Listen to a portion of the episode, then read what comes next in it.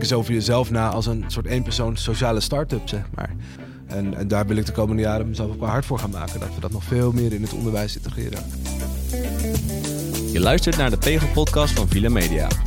Normaal gaan we langs bij freelance journalisten, maar in deze bonusaflevering pakken we het anders aan. We duiken de collegebank in. Ik ben Sjoerd. En ik ben Erwin. We praten met Karel Smouter. Hij is ex-adjunct hoofdredacteur van de Correspondent en geeft les op de Hogeschool Windersheim in Zwolle. Wat moeten journalistiekstudenten eigenlijk leren voordat ze de arbeidsmarkt op gaan?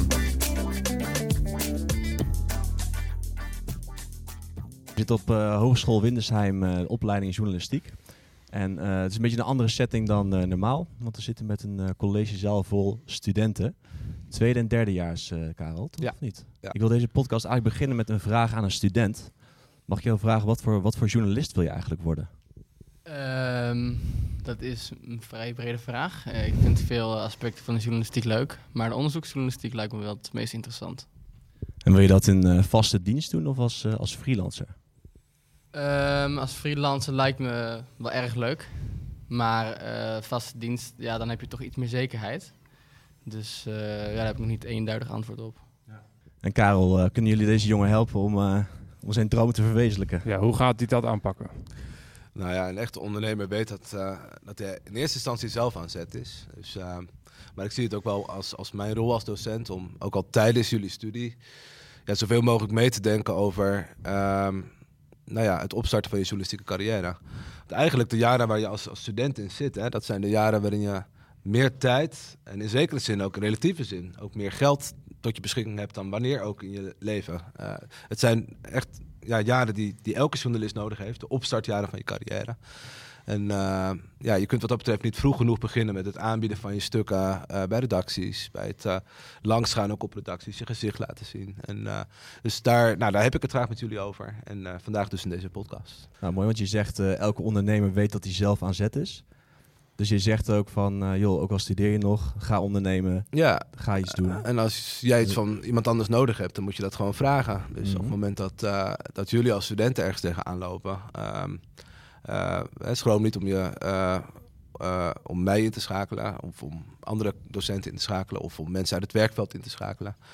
Ik, zo ben ik zelf eigenlijk ook de journalistiek ingerold. Ja, dat wil ik, wil ik eigenlijk net Ja. vragen van. van Ja. Je zegt ga ondernemen, doe iets. Ja. Wat heb jij zelf toen gedaan? Toen je als een jonge god de Nou, journalistiek in eh, Ja, tijdens mijn studie, eh, ik studeerde filosofie op dat moment. En dat vond ik allemaal veel te abstract. Dus ik dacht, ik wil echte mensen ook zien. En ik wil al die grote problemen waar we studie van maken bij filosofie, zoals globalisering en de toekomst van grenzen, identiteit, noem alles maar op.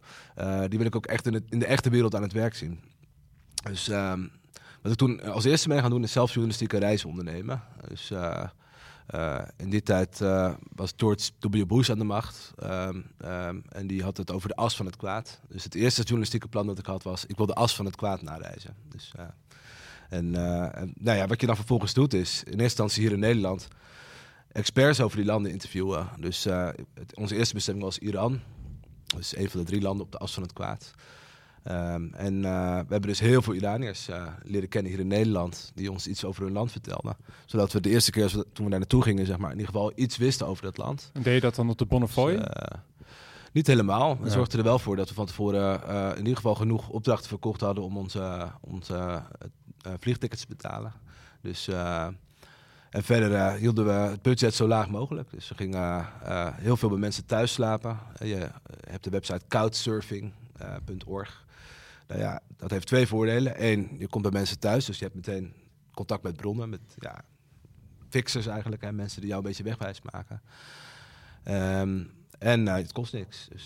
Dus eh, eh, wat dat betreft, als je de kosten laag houdt voor zo'n eerste reis, dan hou je daar als het goed gaat ook nog wel zelfs wat aan over. Dus, en wat we daarnaast dus deden, is eigenlijk bij elke reis die we maakten, ehm, ehm, bij journalisten aankloppen die we bewonderen. Dus eh, eh, in Iran was het op dat moment Thomas Erdbrink, eh, onze man in Teheran. Eh, die was toen eigenlijk nog niet zo heel lang bezig als NRC-correspondent daar toen nog. En eigenlijk vond hij het hartstikke leuk om gewoon eens met een stel jonge Nederlandse gasten af te spreken. Dus op de eerste avond dat we daar in Iran landden, nam hij ons al mee naar het voetballen in Iran. Zaten we ineens in een stadion van eh, 80.000 man. te kijken naar de club van de oude Nederlandse voetballegende Arie Haan. Dus, eh, eh, dus dat, en, en eigenlijk, ja, zei hij ook van, goh, je kunt wel gewoon bij mij in mijn kantoortje je laptop openklappen en een beetje werken als je wil. Eh, als je in de problemen komt, bel me.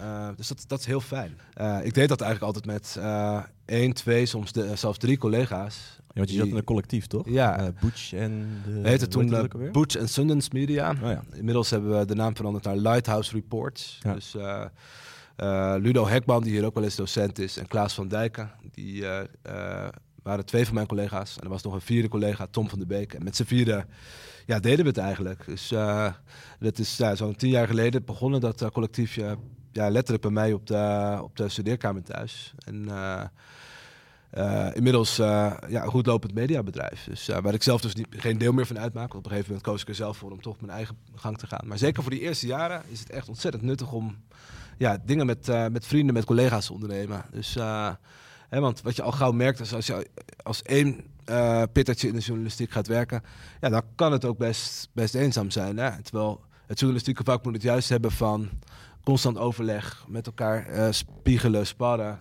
Uh, een idee tegen een ander aanhouden. Een keer een stuk dat je net gemaakt hebt voorlezen aan een collega en zeggen van loop deze zin nou of niet, bij wijze van spreken. Ja, en dat ondernemen, dus, uh, is gewoon um, als ik jou zo hoor, denk je denk van, nou, je moet met mensen afspreken, je moet mensen gaan interviewen, je moet gewoon op reis gaan, je moet verhalen gaan maken. Uh, maar maar hoe, hoe leer je dat ondernemen aan een, aan een student op een hogeschool? Nou ja, door te vertellen wat, hoe ik het zelf heb aangepakt. En vervolgens met de studenten kwestie te kijken van wat past nou bij jou, zeg maar. Dus uh, hè, bij deze de uitnodiging aan jullie allemaal. Uh, klop op mijn deur en dan denken we er eens even over na, zeg maar. Ja. Ik zou het als opleiding denk ik ook wel de moeite waard vinden om te kijken van nou, en kun je niet bij wijze van spreken naast je eindopdracht, bij wijze van spreken, een soort bedrijfsplan voor je eigen freelance onderneming, zeg maar, inleveren als afstudeeropdracht. Zodat je op het eind van de rit echt gewoon een soort basis hebt van, nou, hier ga ik mee verder. we vragen van studenten wel om alvast een begroting te maken bij hun uh, afstudeerproductie. Maar dat zouden we best nog wat verder kunnen aankleden. Wij uh, hebben nu iets van 40 interviews gedaan voor ons boek over freelance journalisten. En een van de, de trends die we zien is dat dat als wij uh, freelancers bellen en zeggen van... goh, we willen een keer met jou praten, een keer koffie drinken... weet je wel, van hoe, hoe is het jou vergaan? Dan zeggen ze soms van, ja, maar ik ben geen echte journalist... Want ik doe niet alleen maar journalistiek werk, ik doe er ook commerciële dingen bij. En de trend die we zien is dat eigenlijk alle freelancers de commerciële dingen bij doen. En dan wel denken dat ze de, de uitzondering zijn. En niet de echte journalist. Maar de regel is dat iedereen een beetje bijhosselt, een beetje andere soort dingen.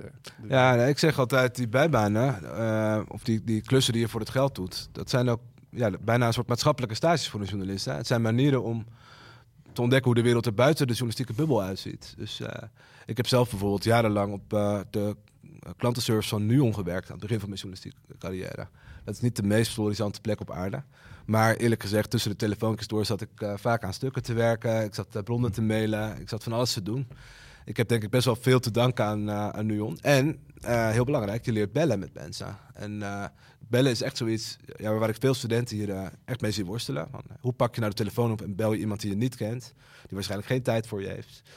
En dat zijn echt dingen die je bijvoorbeeld op, op, op, ja, op, zoiets op het oog sufs als een, klantenservice echt goed kunt leren wat voor mij ook goed werkt op een gegeven moment, is dat ik gewoon voor mezelf wat, wat langer lopende onderzoeksprojecten startte.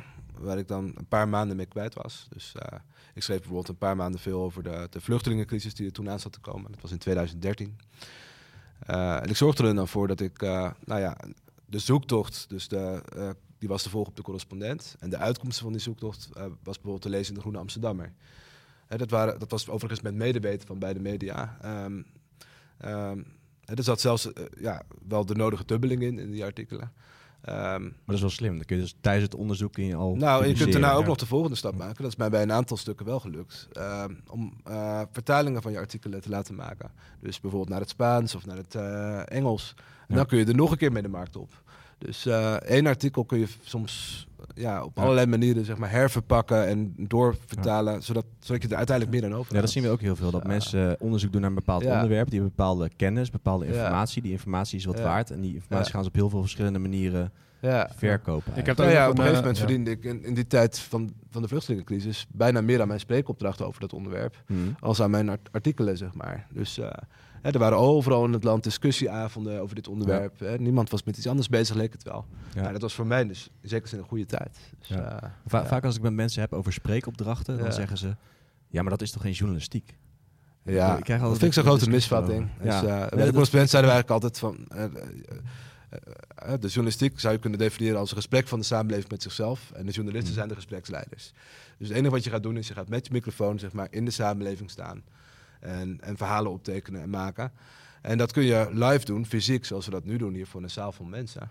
Maar natuurlijk ook eh, eh, achter je scherm stukken tikkend. Dus eh, ja, of, of, of, of filmend, fotograferen, doe maar alles maar op. Ja. Dus ik vind dat, dat dat is een integraal onderdeel van je journalistieke werk. Sterker nog, het moment dat ik naar buiten trad en vaker dat soort zaaltjes deed, werd ik veel vaker getipt. Mensen die zeiden van, hé, hey, ik heb je horen praten. En nou ja, ik werk toevallig in een AZC. Ik weet wel hoe dat gaat daar. Kom maar een keer mee. Of eh, Ja. ik heb wel een eh, verhaal voor je.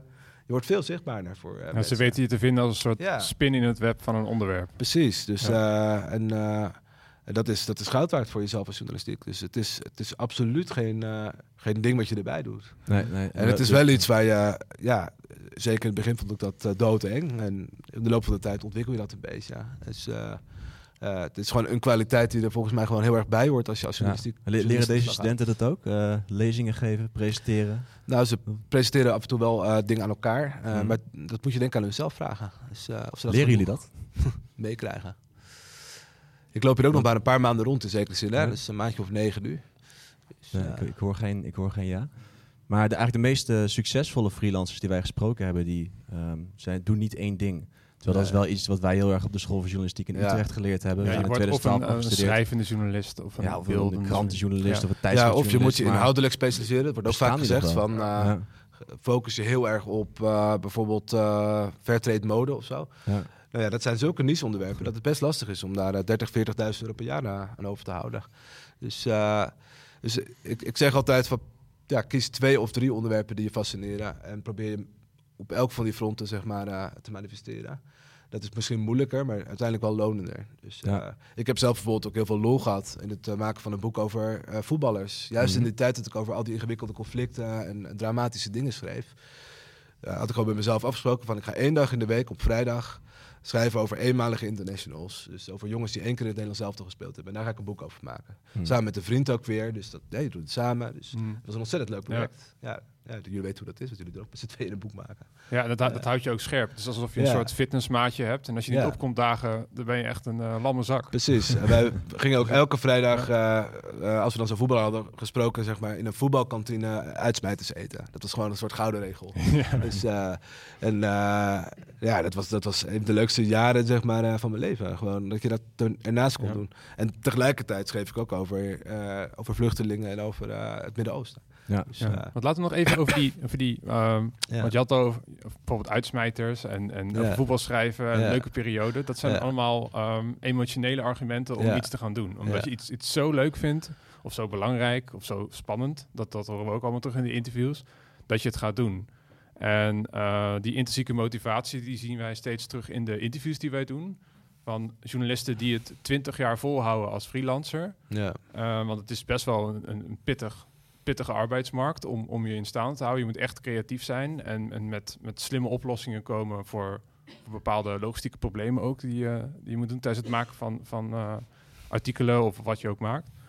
Um, hoe, hoe kan je die intrinsieke motivatie aanwakkeren bij studenten? En ook omdat die zo divers is. Want ik weet zeker dat hier studenten zitten die willen uh, over sociaal-maatschappelijke zaken schrijven en over zware journalistieke onderwerpen.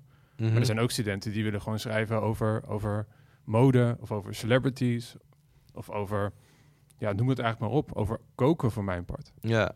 Dat is zo divers, die groep. Ja, ik vind het altijd grappig als je met studenten journalistiek praat uh, of met uh, journalisten, uh, dan krijg je als je maar lang genoeg doorpraat altijd een verhaal te horen over, over iemands vroegste, jeugd, vroegste jeugd. Hè? Dus, ik weet niet of dat voor jullie allemaal geldt. Maar dat, mij valt altijd op dat, dat ergens in die eerste jaren, zeg maar, uh, de eerste twaalf jaar misschien wel van je leven, uh, er iets gebeurd is waarvoor je, waardoor je nu ineens op deze, op deze opleiding zit. Dus uh, um, in mijn geval was het zo, ik had een, ik had een oom, Wouter Kurpershoek, die de hele wereld overreisde en telkens terugkwam met, als journalist, telkens terugkwam met allemaal dingen waar ik als kind helemaal door, door gebiologeerd was. Hè. Ik weet nog dat hij terugkwam met een stukje van de Berlijnse muur bijvoorbeeld. En ik dacht, ja, dat is dus wat je als journalist doet. Je ziet de geschiedenis voor je ogen uh, uh, voorbij trekken. Ja. Dat is toch geweldig? Ja. En, en ja, uh, en dit zijn natuurlijk ook de jaren van je leven waarin je dat een beetje bij jezelf moet ontdekken. Dus als je hier zit en denkt van, god, ja, dat, dat innerlijke vuur, dat heilige vuur waar die gasten het over hebben, dat heb ik nog niet. Ga het gewoon bij jezelf ontdekken. Hè? Dus ga, ga gewoon dingen maken ehm, waar, je, waar je hartstellen van gaat kloppen. Want dit is wel de tijd waarin je dat soort dingen nog kunt doen. Hmm. En je hoeft het niet alleen nog maar voor het geld te doen. Je kunt als het ware idealistische keuzes maken. Ja. En ehm, ehm, als je opleiding daarbij in de weg zit, zeg maar, zeg het dan. Dan zorgen we ervoor dat het toch geregeld wordt, weet je wel. Dus, uh, Het lijkt me best wel lastig om een uh, curriculum te bouwen rondom uh, zo'n diverse groep studenten. Ja. Met zulke diverse beweegredenen, met zulke diverse achtergronden. Ja. Nou, dat curriculum is ook constant in aanpassing. En een van de dingen die je ook binnen zijn breed hier in Zwolle ziet, is dat studeren steeds flexibeler gaat worden. Dus, dus dat, dat je steeds meer als een soort coach, als docent gaat kijken van wat is dit voor persoon en wat heeft die persoon nodig de komende vier jaar om, om goed door zijn studie heen te komen. En ik stel me zo voor dat je over een jaar of vijftien, zeg maar, uh, je journalistiek studie zelfs kunt combineren met, met elementen van andere studies. Uh, en we zoeken nu al wel dat soort samenwerkingen. Dat je bijvoorbeeld, dat hebben jullie de afgelopen periode gedaan, met studenten social work aan de slag gaat. En mensen die in, in de zorg werken ik kan me voorstellen dat het heel nuttig kan zijn voor mensen die later sociaal-maatschappelijke onderwerpen aan de kaart willen stellen. Als ze gewoon eens een minor uh, uh, sociaal-maatschappelijk werk doen, bij wijze van spreken. Om ook gewoon de samenleving veel beter te leren kennen. En het mooie van zo'n institutie als Windersheim vind ik dat je in principe de hele samenleving in het klein hier hebt, weet je wel. Op al die opleidingen. Dus ja, ik vind het zelf wel een uitdaging om, om, om nog veel meer voor dat soort kruisbestuivingen te zorgen. Um, uh, en, ehm, en dus ja, tijdens je studie al ja, de hele samenleving naar je voorbij te zien trekken. En dan niet alleen in, in, in boeken, maar ook in, in het echt, zeg maar. Dus, ja, uh, ja. En qua, qua ondernemende vaardigheden, hoe zorgen jullie dat uh, studenten van deze school afkomen uh, en zich kunnen redden in, in de journalistiek? Want wat wij zien is dat heel veel succesvolle freelance journalisten, dat zijn een soort bijna projectleiders geworden. Zoals we al zeiden, ze moeten heel veel verschillende dingen doen als het gaat om schrijven, presenteren, columns voorlezen, noem maar op. Maar het zijn ook nog eens boekhouders, planners, uh, dat, soort, dat soort dingen. Je moet echt een enorm takenpakket hebben. Ik sprak bijvoorbeeld met Eddy van Wessel. Hij is oorlogsfotograaf, gaat vaak naar uh, Irak en Syrië bijvoorbeeld. Uh, en hij zegt van ja, als ik bij, bij Brandpunt de redactie oploop, dan zie ik daar twaalf man zitten. Mm. En dan kijken ze naar mij en dan zien zij één man, maar ik, ik ben die twaalf man. Ik moet alles ja. in mijn eentje doen. Ja. en dat is volgens mij ook wel een beetje de realiteit geworden in, in de journalistiek. Tenminste, in ieder geval als je als, je als freelancer aan de slag gaat. Ja, en dat is ter aanvulling. Ik, ik proef ook dat, dat veel journalisten die, die identificeren zichzelf dan als schrijver en die willen eigenlijk alleen maar schrijven. Ja. Bijvoorbeeld. Ja. Want dat is mijn, mijn, het vak wat ik leer en daar wil ik goed in zijn. En er komen dus al die andere taken ook bij. Ja, nou, daarom pleit ik ook zo voor collectiefjes. Hè? Mm. Dan kun je elkaar een beetje aanvullen. In het collectiefje waar wij zaten hadden we alle vier echt een hele specifieke rol ik was meer de, de beeldende verteller.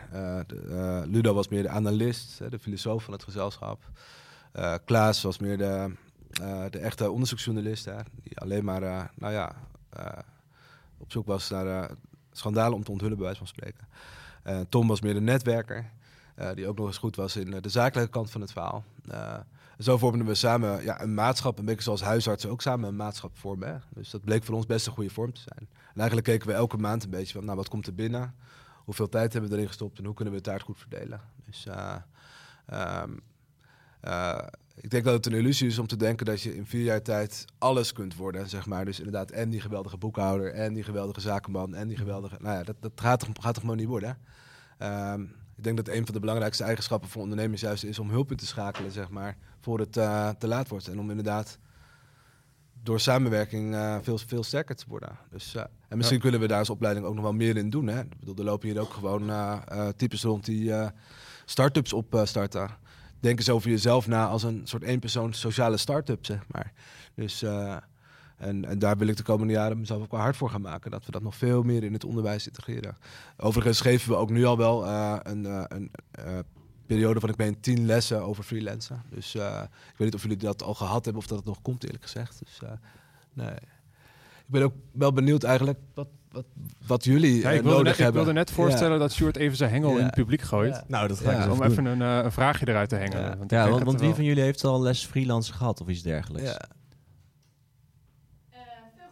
Wacht, wacht even hoor. Ik moet even... Veel gedoe. veel, veel gedoe wordt hier geroepen. Even kijken of mijn, ja, dat, mijn snoer Dan zit je op de juiste opleiding als je, als je journalist wil worden. Ja. Ja, haalt net inderdaad. Nou, voor mijn intentie in ieder geval lijkt het heel veel gedoe.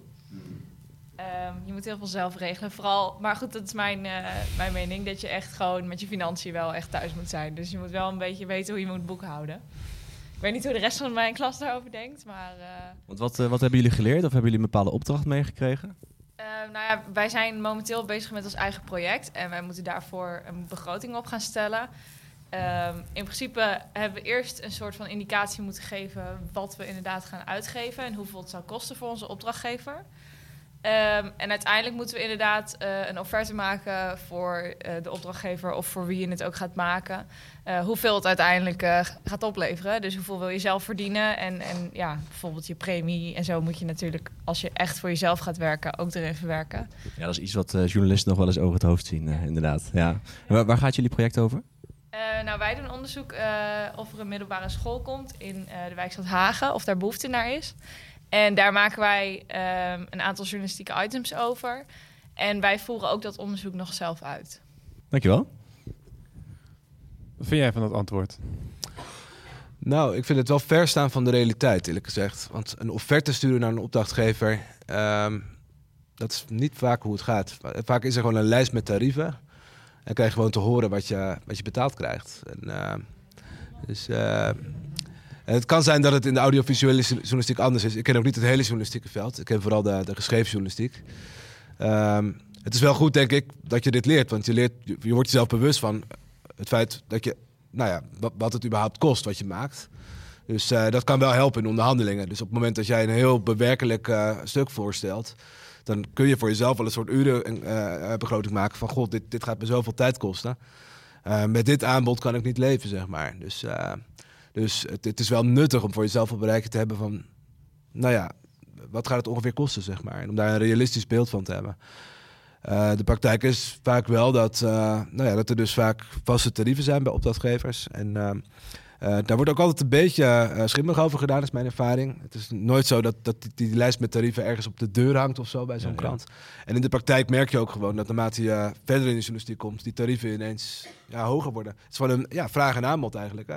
Als jij op een gegeven moment iets kan en iets weet wat maar heel weinig mensen kunnen, dan kun je daar meer voor vragen. Ja. Dat is wel interessant En, om eh, als, als aanvulling, want we hebben het al even over Lighthouse Report gehad. Ja. En eh, die maken eh, diepgravende journalistieke producties. In, de, in de breedste zin van het woord, want ze hebben ook games gemaakt, bijvoorbeeld jo- eh, journalistieke games. Eh, en zij financieren hun diepgravende journalistiek vooral met fondsen. Ja, Ja. ja. ja. die zijn er ook. Het eh, geld eh klotst tegen de plint bij de fondsen, jongens. Echt, er zijn ontzettend veel journalistieke fondsen. Is daar aandacht voor tijdens de opleiding? Erg toegankelijk. Ja, goede vraag. Krijgen jullie genoeg door over fondsen werven? En hoe je dat moet doen? Oké, dat is een heel Ja. belangrijk aandachtspunt voor ons dan. Want volgens mij, eh, ja, nou ja, goed, ik loop hier ook nog maar net rond. Ik ben het Ja. ook nog een beetje aan het uitzoeken. Want eigenlijk Eh, onze ervaring met diepgravende journalistiek is, is dat je het niet kan laten financieren door één opdrachtgever. Nee, nee, je zeker niet. altijd Ik meerdere heb het altijd over een mandje inkomstenbronnen opdrachtgevers dat je Ja. nodig hebt. Ja. Dus eh, die, die reizen naar Iran zijn wel een aardig voorbeeld. Maar we zorgden er dan altijd voor dat, eh, nou, dat er een aantal vakbladen tussen zaten. Dus eh, ik, ik heb bijvoorbeeld wel eens een artikel geschreven voor een blad over koken en over wijn. Over de, de herkomst van de Syrah-druif, die in eh, veel wijn gebruikt wordt. Nou, dat bleek een stadje in Iran te zijn, Shiraz. Daar zijn we toen naartoe gegaan. Ja, dat was vreemd genoeg eh, een veel beter betalende klus als eh, het mooie artikel dat we over de opstand in Iran maakten voor de Volkskrant. Dus, maar dat mandje samen zorgt ervoor dat je genoeg hebt. Ja. En, ehm, Maar dat is nog steeds best wel een traditionele manier van naar de journalistiek kijken. ja, en we zorgden ervoor dat onze reiskosten vaak gedekt worden door het Free Pass Unlimited eh Postco Loterijfonds. Dat is Ja. Een fonds wat, ja, waar je ik geloof wel acht of tien keer per jaar op kunt inschrijven. Nou, voor reizen is dat echt tot 5000 euro dekken zijn gewoon je onkosten. Ja. Dus eh, dan ga je meteen bij het eerste stuk dat je verkoopt eh, winst maken. Ja. Dus, eh, dus dat is een heel makkelijk benaderbaar fonds. Er zijn ook gewoon grotere fondsen die wat meer geschikt zijn voor grotere projecten. Ehm, het Simlinks voor de, voor de journalistiek is er bijvoorbeeld zo één. Dus, eh, ehm, en, en ook die hebben gewoon het hele jaar door rondes waar je je voor kunt inschrijven. Ehm, het Fonds voor de Bijzondere Journalistieke Projecten is in mijn ervaring wat, wat, wat, wat moeilijker benaderbaar, zeker voor beginnende journalisten. Nou, we hebben wel een heel eh, concreet voorbeeld, een leuk ja. voorbeeld daarvan. Uh, we hebben met Rens Lieman gesproken. Die Ja. heeft een boek geschreven, Uber voor Alles. Daar hebben we ook een podcast uh, meegemaakt. En die, hij heeft een boek geschreven over de on-demand-economie en de invloed van Deliveroo en Uber en allemaal van dat soort partijen Ja. op, op ons dagelijks leven. En ook op de mensen die allemaal op die fietsjes al jullie eten komen brengen. En hij heeft zelf uh, op aanraden van zijn uitgever, had een plan gemaakt, heeft hij naar een uitgever gestuurd met het idee van, nou we zien wel. En die had gelijk zoiets van, wat een goed idee, dit gaan we doen. Dus hij is uitgever van, joh, stuur eens een berichtje naar het Fonds voor Bijzondere Journalistieke Projecten. Doe gewoon eens een aanvraag, wie weet, want je hebt een goed idee. En toen heeft hij tot zijn, tot zijn eigen verbazing heeft hij dat fonds gekregen. Ja. En ik vond het een heel mooi voorbeeld dat, dat een hele mooie les die hij meegaf was... denk niet dat je een fonds niet waard bent. Nee. Want als je een goed idee hebt, dan is dat het zeker waard. En het helpt ook enorm als je al een uh, intentieverklaring van een uitgever hebt. Of, ja. uh, uh, dan weet zo'n fonds tenminste dat, dat er iets moois van terecht komt. Ja, precies. Ja. Dus, ehm, maar ik heb in het verleden heel wat fondsen aangeschreven. En je krijgt ook wel eens een nee te horen, maar heel vaak ook gewoon een ja. Dus ehm, wat dat betreft, um, dat loont echt. Ja. Kunnen we het nog even over nee hebben? Het nee. Het nee. Ja, dat is een hele ingewikkelde. Ja, want dat krijg je als student zeker heel vaak te horen. Ja, ja. Als je net afgestudeerd bent ja. of mensen zoekt. Ja. Hoe moet je daarmee omgaan? Nou ja, daar moet je leren tegen kunnen. Dus in elke uh, nee... Uh, nee, ik heb bij de correspondent, mijn vorige werkgever, uh, ontzettend vaak nee verkocht. Dus wij publiceerden maar vier, vijf stukken per dag. En het aantal journalisten dat iets van ons wilde schrijven, dat liep in de honderden. Als wij vacature uitzetten, kwamen er soms wel 800 reacties op.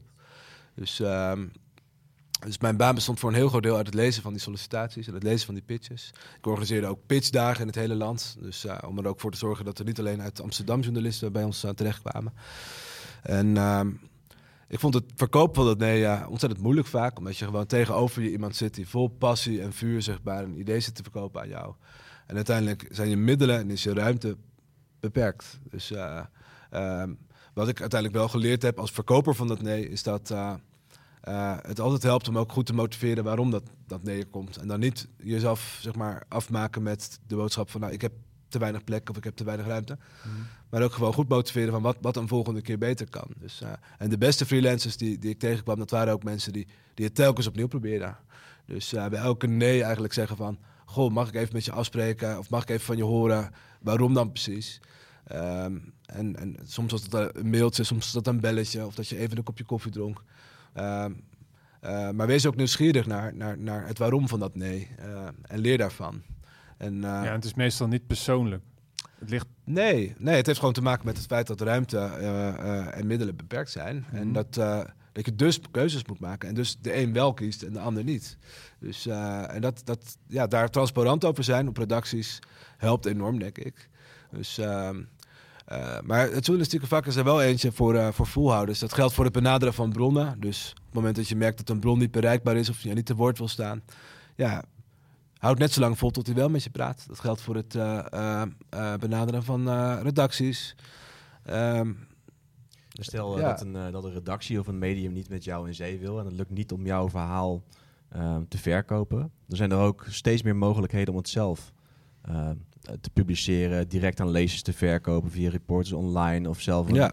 een, podcast te beginnen en daar een sponsor bij te zoeken of ik noem maar wat. Is daar aandacht voor tijdens de ople opleiding? Um, nou, er is naar mijn idee wel aandacht voor het feit dat, um, dat, dat je een verkoper van je eigen producties moet zijn. Of dat op de goede manier gebeurt, vind ik dus nog steeds heel moeilijk om te beoordelen, omdat ik hier nog, nog zo kort rondloop. Ik denk dat je het beste opnieuw dat aan de studenten kan vragen. Dus, uh, Leren jullie dingen over, over nieuwe verdienmodellen en het zelf publiceren van journalistiek? Ik, dus, zie uh, een hoop nee schudden. Een hoop nee schudden. Ja, ja, het kan zijn dat dat uh, voor jullie nog komt. Uh, ik weet wel dat, nou ja, een van de redenen waarom ik jullie allemaal uitnodig voor deze bijeenkomst is om jullie daar iets over te vertellen. Dus, en, en dat, nou ja, Blendel heeft daar een hele mooie optie voor, Reporters Online. Dat is een manier om daar geld te verdienen. Medium.com doet dat ook. Uh, uh, ik kwam gisteren nog het voorbeeld tegen van een uh, journalist die gewoon een eigen site begonnen is. Waar hij ja, zeg maar met middels een videootje vertelt van ik ga jullie mee op reis nemen door de wereld van de voedselindustrie.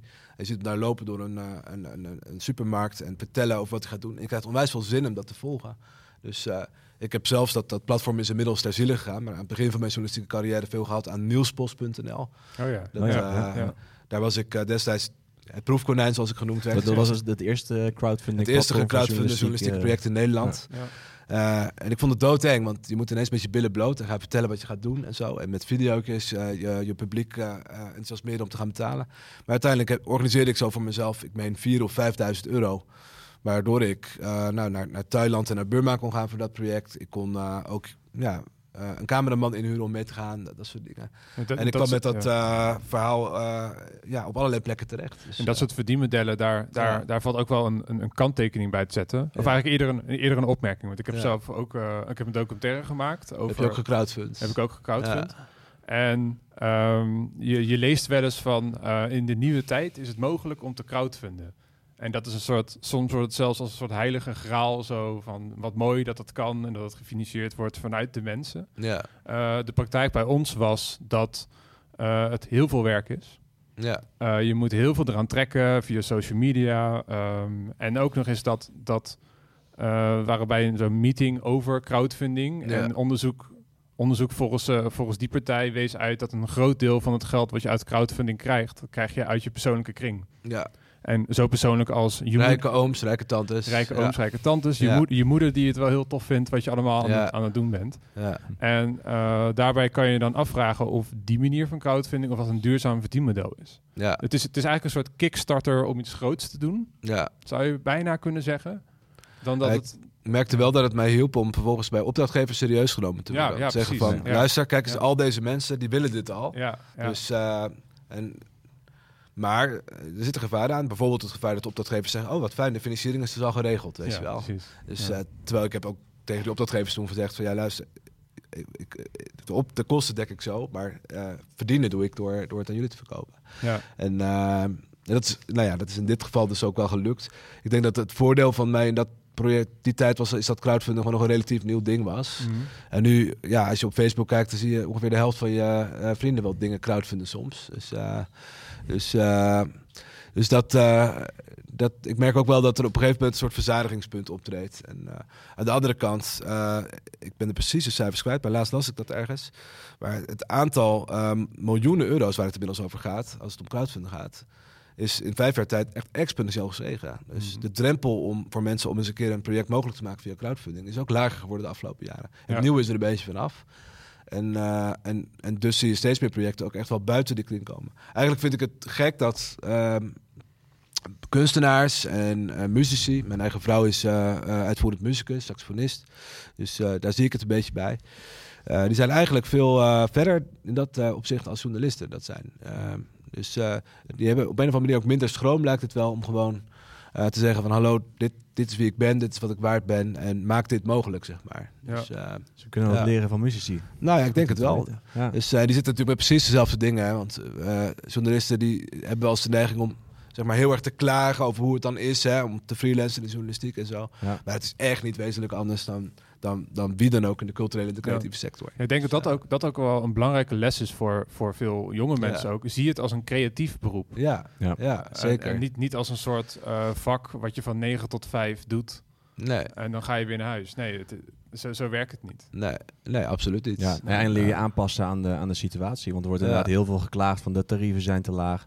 Dat is ook zo. Je kan bijna niet meer leven van uh, tijdrovende journalistiek als je alleen maar je stuk aan kranten verkoopt. Ja. Maar er zijn heel veel mogelijkheden. Dus uh, leer, ja. leer, gedijen in, in de nieuwe journalistieke wereld. Ja, en het lukt een heleboel mensen toch stiekem wel. Dus, ja. maar het lukt niemand zomaar van de een op de andere dag. Dus als het niet meteen lukt, ja, geef niet meteen op. En als je doel is van, nou, goh, het liefste zou ik toch gewoon die vaste baan en productie willen besef je dan dat de weg naar die vaste baan vaak via freelancer gaat. Dus, uh, je kunt er in dat opzicht niet omheen. En, ja. uh, en nou zeg ik het weer zo negatief, maar het is ook ontzettend leuk. Hè? De mensen met een vaste baan zeggen vaak van freelance ik maar weer, weet je wel. Dus, uh, want, nou ja, het woord freelancer zegt het al. Hè? ja, freelance, je bent een soort huurling in dienst. je hebt een, een, soort vrij schild in je hand. Ja. Dus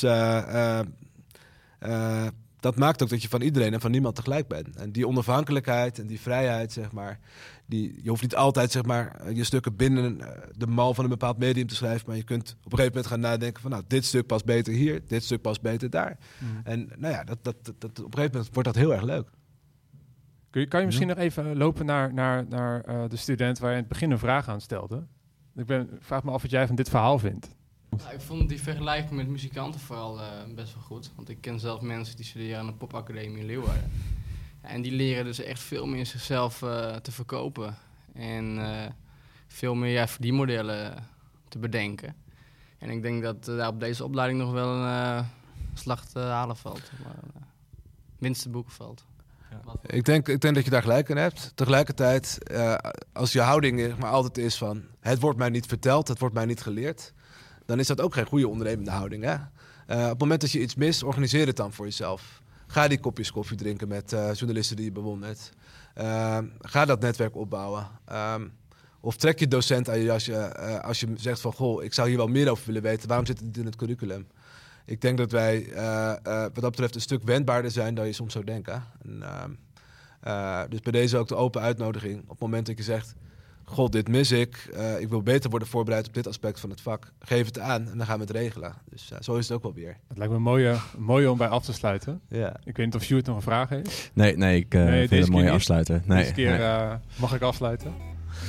Oké, okay, nou heel erg bedankt.